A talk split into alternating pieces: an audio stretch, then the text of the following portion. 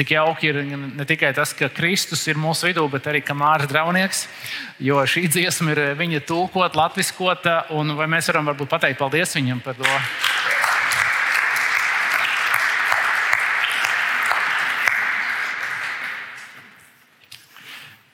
Jā.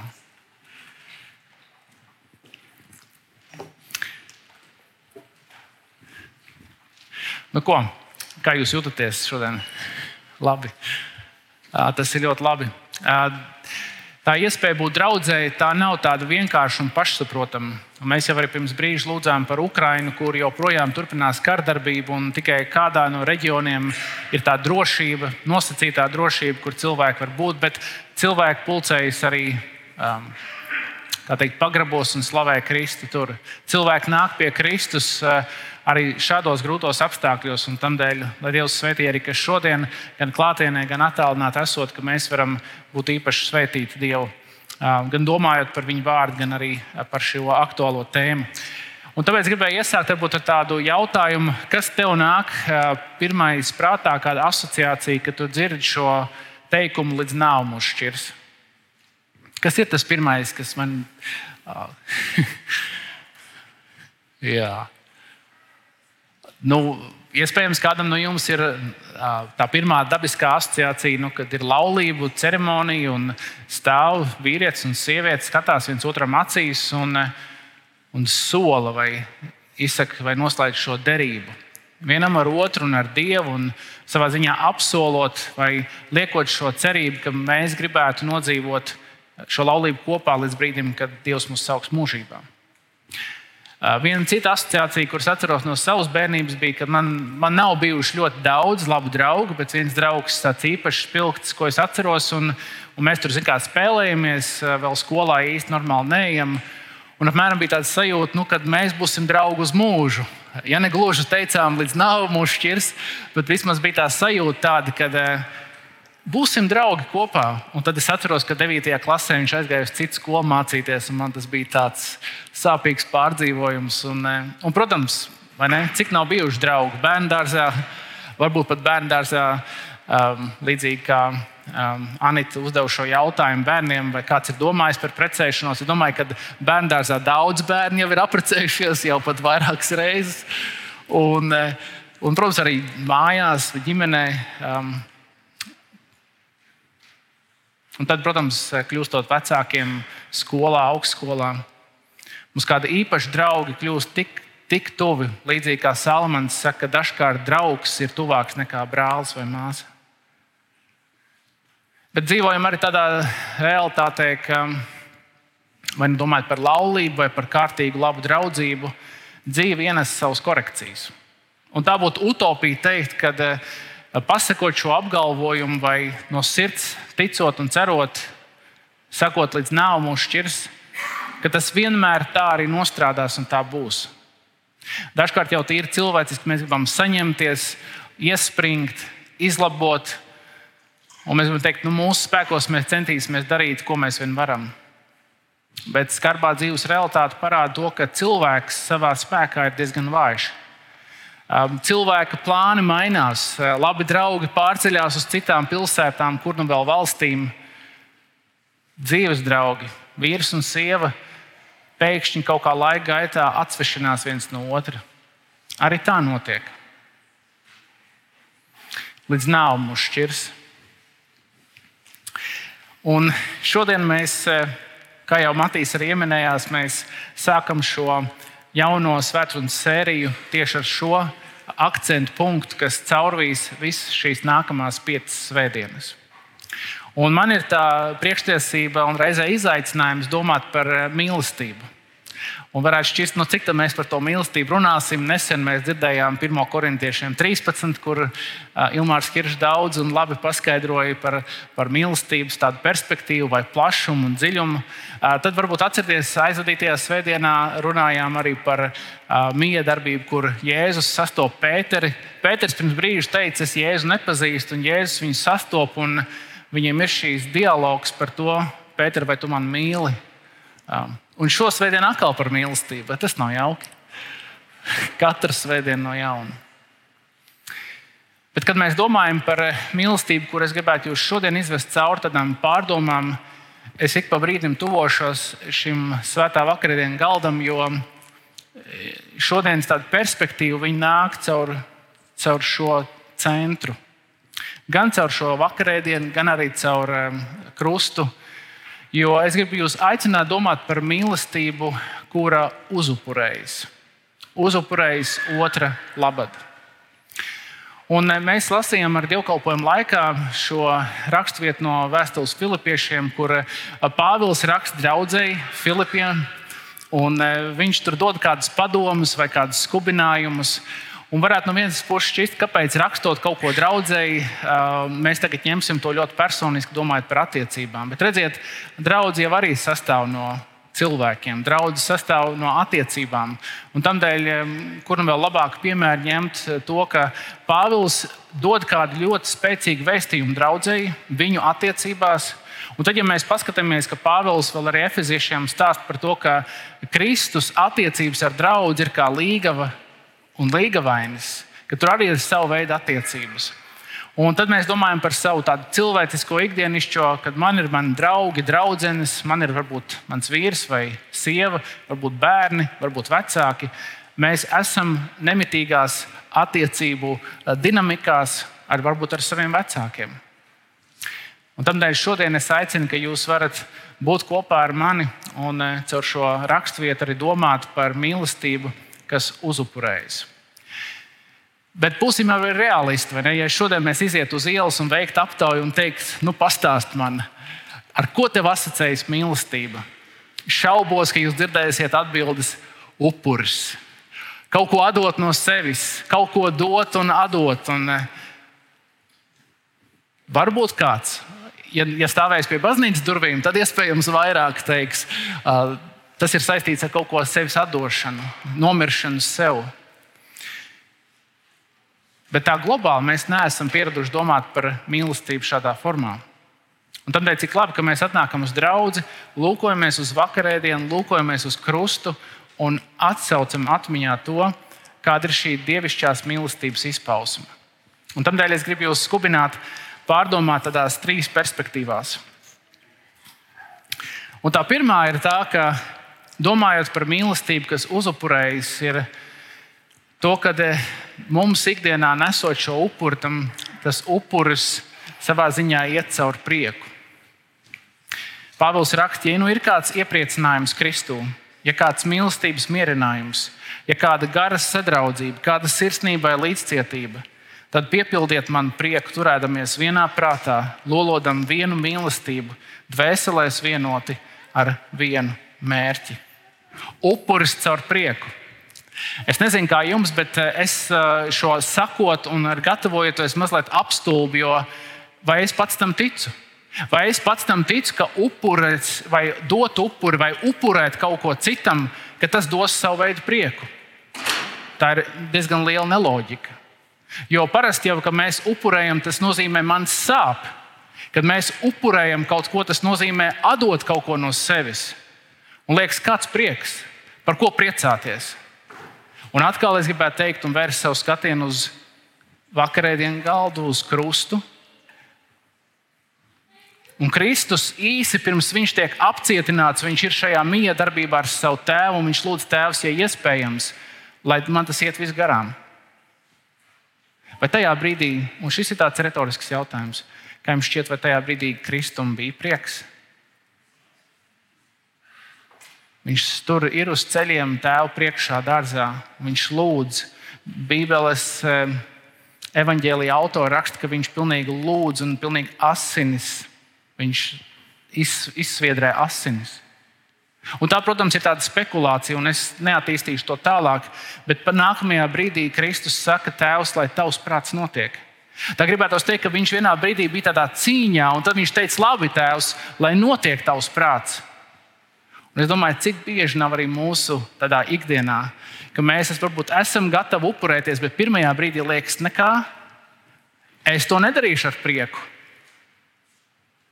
Un vienalga, kādā kontekstā, vai tas būtu par jūsu labāko draugu vai draugu, vai tas būtu par jūsu vīru vai sievu, vai par saviem bērniem, vecākiem, attiecību kontekstā, globāli. Upurēties ar prieku. Ziniet, tas ir fascinējoši. Tas ir tik fascinējoši, ka tu vari kaut ko dot no sevis tam otram un darīt to ar prieku. Bet dažkārt, vai ne, atnāk pāris, tur viņiem runā un tu redz viņu sejās. Tur nav nekāds prieks. Tu satiec divus labākos draugus, un viņi ir katrs skatās uz savu pusi. Viņi ir eh, sastrīdējušies, vai tur ir kāds cits pārdzīvojums bijis.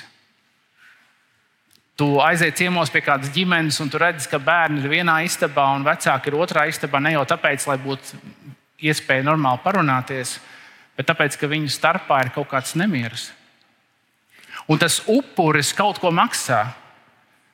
Bet ko tas maksā upurēt, ja dot kaut ko no sevis ar prieku? Un tā ir tā Bībeles mācība, tā ir tā savā ziņā pasaules neloģiskā mācība vai uztvere, ka tad, kad es kaut ko dodu, es dodu ar prieku.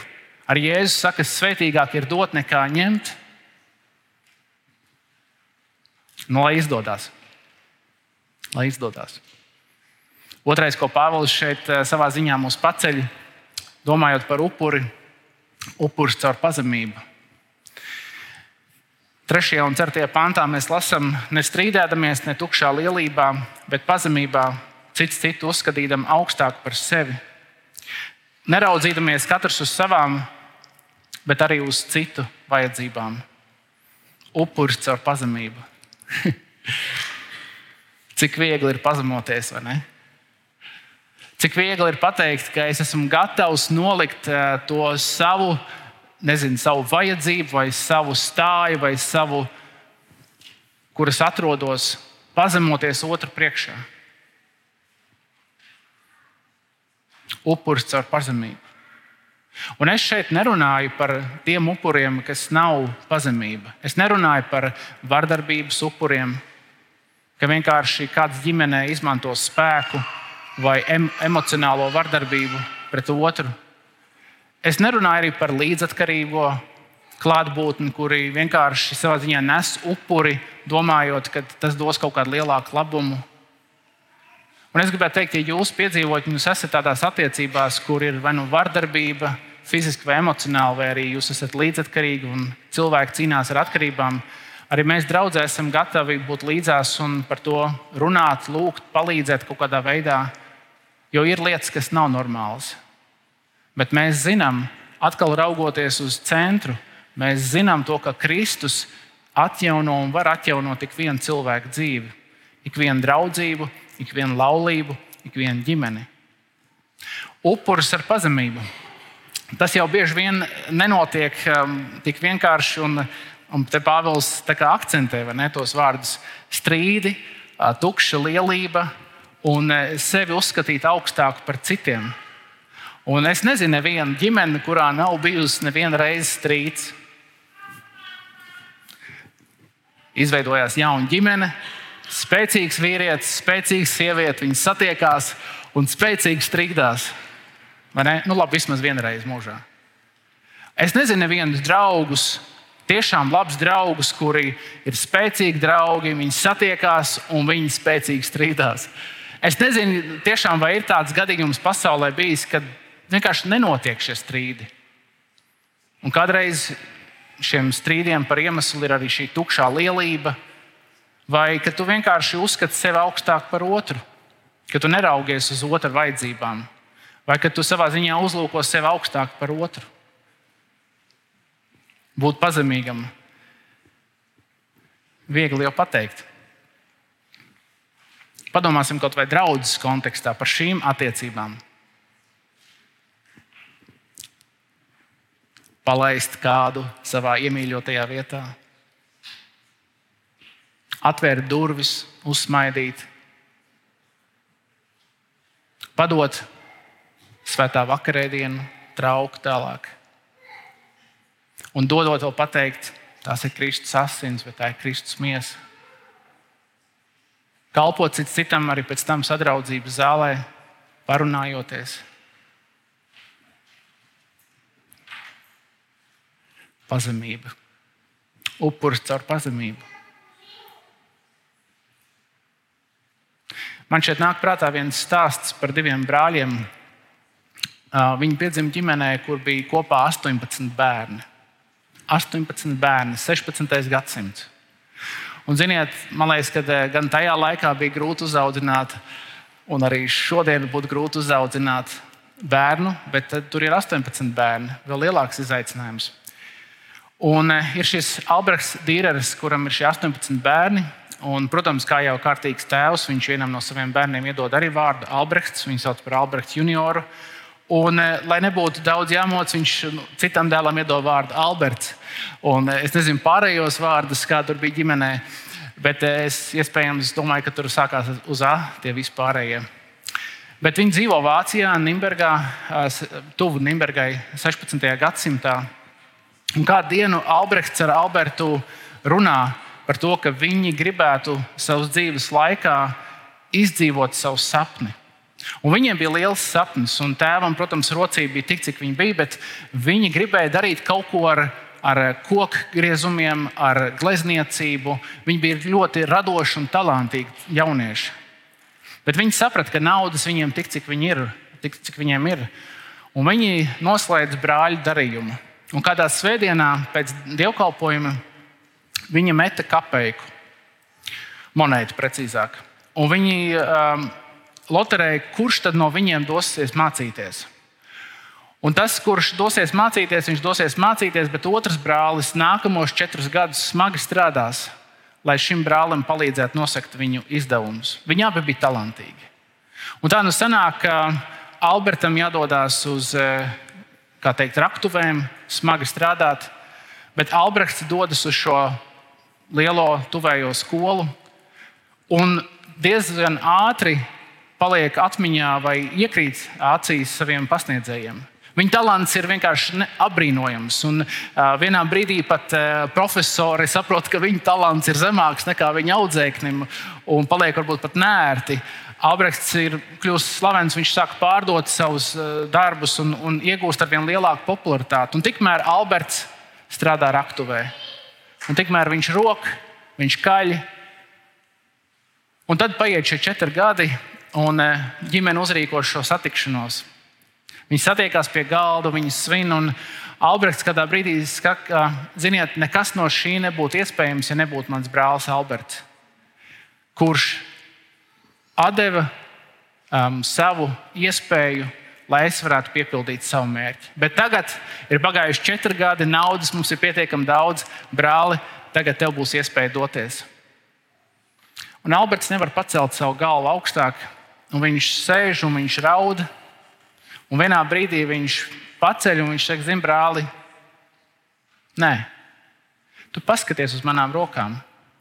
Kāds vēl kokteilnieks, kāds vēl gleznotājs, Manas rokas ir pilnas ar, ar un, traumām, un, un tur nekas nesanāks. Un tad brālis, par godu savam brālim, izveido darbu, kura nosaukums ir rokas. Un varbūt jūs esat redzējuši šo attēlu vai šo bildi kaut kur kādā citā reizē. Bet eh, pasaule šo attēlu nevis pazīst pēc nosaukuma rokas, bet pēc lūkšanas rokām. Un šis stāsts liek domāt par to, ka bieži vien mūsu dzīves situācijā ir vajadzīgs vēl kāds, ar kuru palīdzību mēs varam kaut ko šajā dzīvē izdarīt. Bet tas nozīmē, ka savā ziņā vienam ir jāupurējas, lai otrs kaut ko iegūtu. Un tas tikai loģiski man liek domāt un aizvest pie tā trešā aspekta, ko Pāvils šeit Filipiešiem raksta. Viņš raksta upuris caur Kristu no 5. līdz 8. pantam. Savā starpā turiet tādu pat prātu, kāds ir arī Kristu Jēzu, kas Dieva veidā būdams neturēja par laupījumu līdzināties Dievam, bet sevi iztukšoja, pieņemdams kalpa veidu, tapdams cilvēkiem līdzīgs un cilvēka kārtā būdams, viņš pazemojās, kļūdams paklausīgs līdz nāvei, līdz pat krusta nāvei. Jo es nezinu, vai tu to uztvēri vai nē, vai, vai tas ir tāda tava dzīves realitāte, bet pienest upuri ar prieku mēs varam varbūt uz īsu brīdi. Pienest upuri ar pazemību, otra labad, mēs varam arī tikai uz īsu brīdi. Un tādēļ mēs arī šeit, īpaši domājot par tiem, kas saucam uz Kristu un sakam, Kristus, tu esi mans kungs un glābējs, mēs atkal varam raudzīties uz vakarēdienu, raudzīties uz krustu un varam raudzīties un ieraudzīt tajā, ka šis upuris caur Kristu dod mums iespēju šodien upurēties par saviem līdzcilvēkiem. Un tas nav no manis, tas nav no tevis. Bet Kristus piemērs bija, ka viņš kā Dievs, kuram pie Dieva labās rokas viss bija kārtībā, viņam bija labākās attiecības ar, ar Tēvu un Svēto garu. Viņš nāca paklausībā, lai apliecinātu, ka Dievs tik ļoti tevi un mani mīl. Bet šī mīlestība izpaudās praktiskajā veidā, ka kādam bija jānomirst, un tas bija Kristus, kas nomira. Viņš paklausīja, vai viņš paklausīja ar prieku, Es domāju, viņa lielais prieks bija, ka viņš zina, ka viņš pagodina savu tēvu. Vai viņš paklausīja pazemīgs? O, jā, Bībele neskaitāmās vietās rāda, kur viņš varēja pretoties, viņš varēja aizstāvēties, bet viņš pazemībā gāja līdz galam. Un tā ir spekulācija, bet man liekas, ka viens, kas viņu iedrošināja, bija apziņa, ka trešajā dienā viņš tiks celts augšām. Viņš to neskaitāmas reizes atgādināja saviem mācekļiem.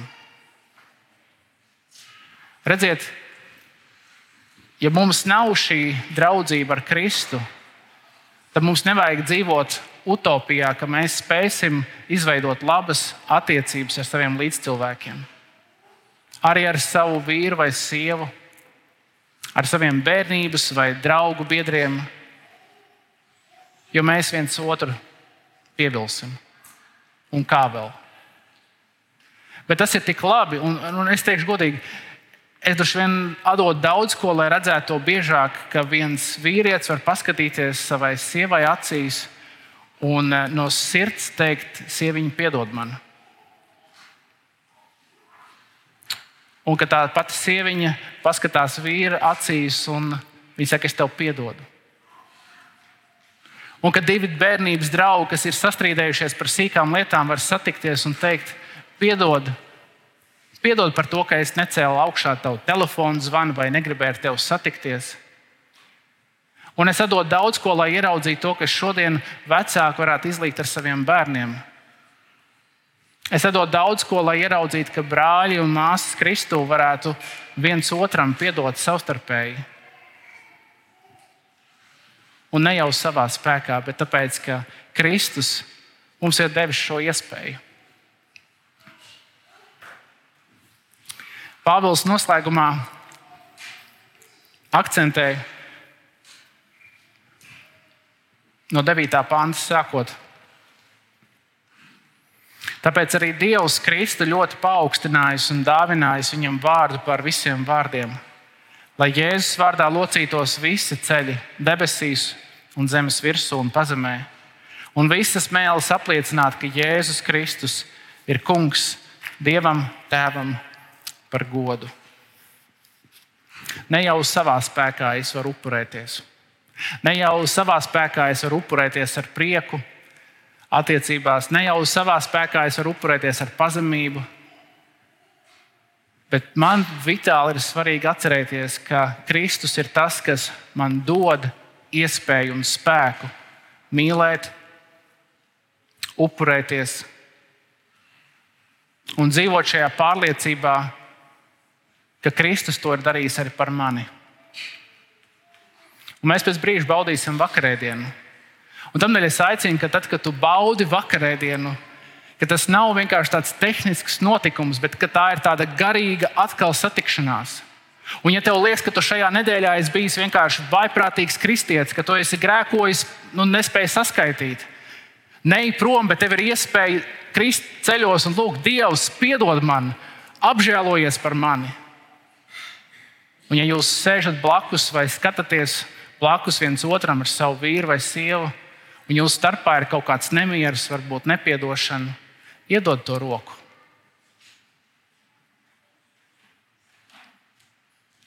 Un tas labais ir, ka vienkārši iedodot roku savam uh, vīram vai sievai, un kaut vai vienkārši viņu paturot, ir iespēja bez vārda pateikt, piedod man. Ja tu sēdi blakus savam labākajam draugam vai draudzenei, un arī jūsu starpā ir kāds nemieris, ka jūs varat izlīdzināties. Priekš kam izniekot šo dzīvi kaut kādām muļķībām? Priekš kam dusmoties par lietām, kuras mūžības perspektīvā nebūs vērtīgas un svarīgas? Lai Kristus tev un man šodien palīdz, raugoties uz vakarēdienu un uz krustu, piedzīvot atdošanu un atjaunošanu caur to mīlestību, kas uzupurējas. Varenais un mūžīgais Dievs, mēs Tev pielūdzam un pateicamies, Kungs, par Tavu lielo žēlastību. Mēs pateicamies, Kungs, par to, ka mēs varam piedzīvot Tavu klātbūtni. Un, lai gan paši savā spēkā mēs nespējam, bet lūdzam, Kungs, palīdz mums uzupurēties ar prieku. Ka mēs varam šajās attiecībās, šajā draudzībā, šajā laulībā, šajā ģimenē, kur esam, ka mēs varam uzupurēties viens par otru ar prieku. Un nevis tāpēc, ka eh, mēs esam tik spēcīgi, bet tāpēc, ka tu esi spēcīgs. Un tu dod mums šo iespēju. Tu dod mums arī pašiem saņemt šo prieku, kad esam uzupurējušies. Debes Tēvs, mēs lūdzam, dod mums spēku arī būt pazemīgiem, Un mēs, kungs, tu redzi mūsu vājumu, mēs, mēs nespējam, un mums tu esi vajadzīgs. Un, kungs, lūdzu, atgādi mums šo patiesību, ka pat ja mēs esam vīlušies sevi vai citos, pat ja mēs šodien varbūt dusmojamies uz tevi kādu iemeslu dēļ, ka mēs varam nākt šodien tavā priekšā. Un mēs varam gan lūgt atdošanu tev, gan arī lūgt atdošanu cits citam. Un vēl vairāk mēs varam saņemt atdošanu un palīdz mums dzīvot tajā mīlestībā, kas ir gatava uzupurēties. Kristu, paldies Tev par šo piemēru. Dievs palīdz mums, es mums grēciniekiem žēlīgs. Āmen! thank you